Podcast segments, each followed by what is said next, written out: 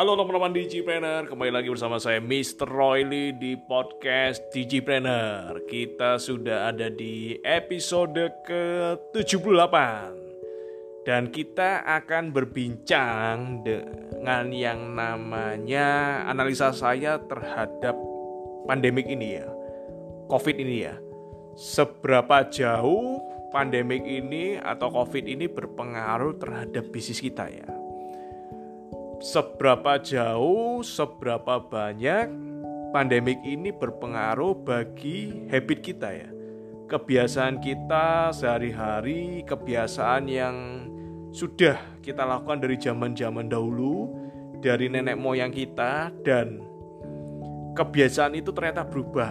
Nah, apa saja ini di episode ke-78 ini saya akan memberikan rekaman dari hasil sharing saya yang ada di komunitas Digipreneur ya.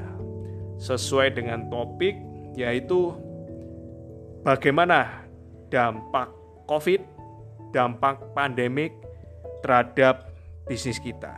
Silakan dinikmati.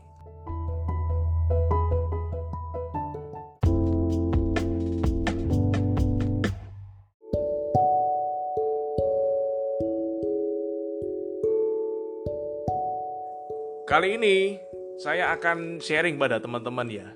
Kenapa sih kok kita harus bisnis online ya? Kita kan tahu ya, saat ini kan eranya pandemik ya, virus yang namanya corona. Dan selama beberapa minggu ini saya menganalisa ya. Apa saja sih dampak dari corona? Apa saja dampak negatif ya dari corona yang mematikan ya? Jadi corona ini sudah mematikan banyak produk ya. Produk-produk banyak sekali yang dimatikan gara-gara corona. Bisnis juga banyak sekali yang dimatikan ya. Industri, pabrik-pabrik banyak sekali juga yang dimatikan ter oleh karena corona. Termasuk kebiasaan kita ya. Habit kita, kebiasaan hal-hal yang sering kita lakukan. Kemarin tuh saya data ya, saya data itu total itu ada sekitar 40 ya 40 produk, 40 bisnis dan kebiasaan yang dimatikan oleh COVID. Nah, tapi di sesi sekarang ini, kali ini saya cuma sharing tiga aja buat teman-teman ya. Yang pertama, kebiasaan kita untuk jabat tangan ya. Jadi kalau dulu, kita kalau dulu itu kan salaman ya, jabat tangan itu udah dari zaman dulu, zaman bahola ya. Sejak dari nenek moyang itu kalau kita udah deal salaman ya jabat tangan. Sekarang karena adanya social distancing hal tersebut nggak bisa ya jadi yang namanya yes oke okay, itu cukup lewat digital aja, cukup lewat online aja. Ya seperti sekarang ini ya, cukup lewat online aja, cukup lewat digital. Anda percaya kepada sebuah opportunity, sebuah kesempatan dan Anda percaya pada orang yang mengajak, yang menyampaikan kesempatan itu. Ya sudah, itu deal ya. Sesimpel itu ya. Jadi orang-orang lebih logis. Itu yang pertama. Yang kedua adalah mudik ya. Jadi sekarang ini ya, teman-teman kan ada larangan mudik ya sejak 24 April kemarin kan ada larangan mudik supaya apa? Supaya rantai penularan Covid ini putus ya. Nah, kalau kita dapat data itu kalau tahun lalu itu sekitar 7 juta orang ya yang mudik masuk di kampung ya. Jadi tumplek-blek ya. Nah, saya yakin teman-teman yang di sini kan nggak mudik ya. Semuanya di ini ya. Di kotanya tempat bekerjanya masing-masing ya. Itu hal kedua yang dimatikan ya. Yang ketiga adalah jam kerja ya. Ini yang menarik kalau dulu jam kerja kita dari dari jam 8 sampai jam 5 ya. Itu jam kerja kita udah paten ya. Dari zaman dulu ya, zaman dari orang tua kita, zaman dari kakek nenek kita, kalau bekerja itu di kantor selalu jam 8 sampai jam 5. Tapi sekarang coba teman-teman lihat. Sekarang ini orang kerja itu bisa di mana pun ya. Mendadak orang yang dulunya kerja di rumah aja, itu dianggap aneh, itu dulu. Tapi sekarang kalau teman-teman lihat kerja di rumah aja itu bukan aneh, itu udah kewajiban. Semua orang kerja di rumah, jadi udah gak aneh lagi ya yang namanya work from home ya.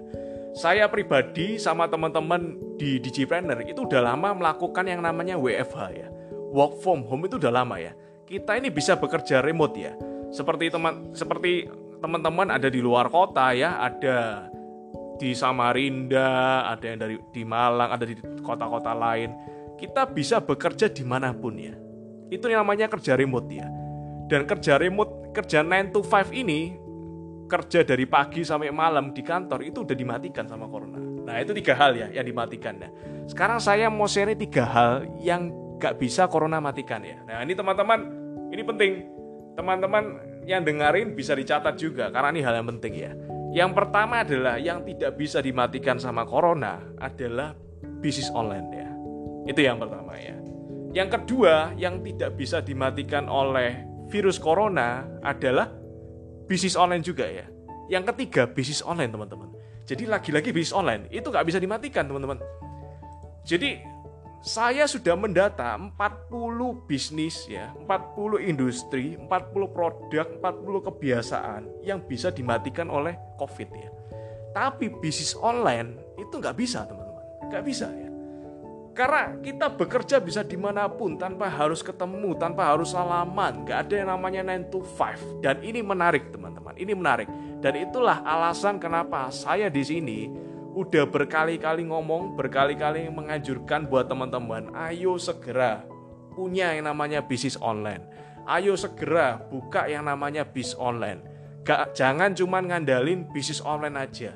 Jangan cuma ngandalin income Anda sekarang ini aja. Anda harus punya income yang berasal dari dunia digital. Yang harus yang berasal dari dunia online ya. Udah nggak bisa lagi, itu udah berkali-kali saya omongin. Nah,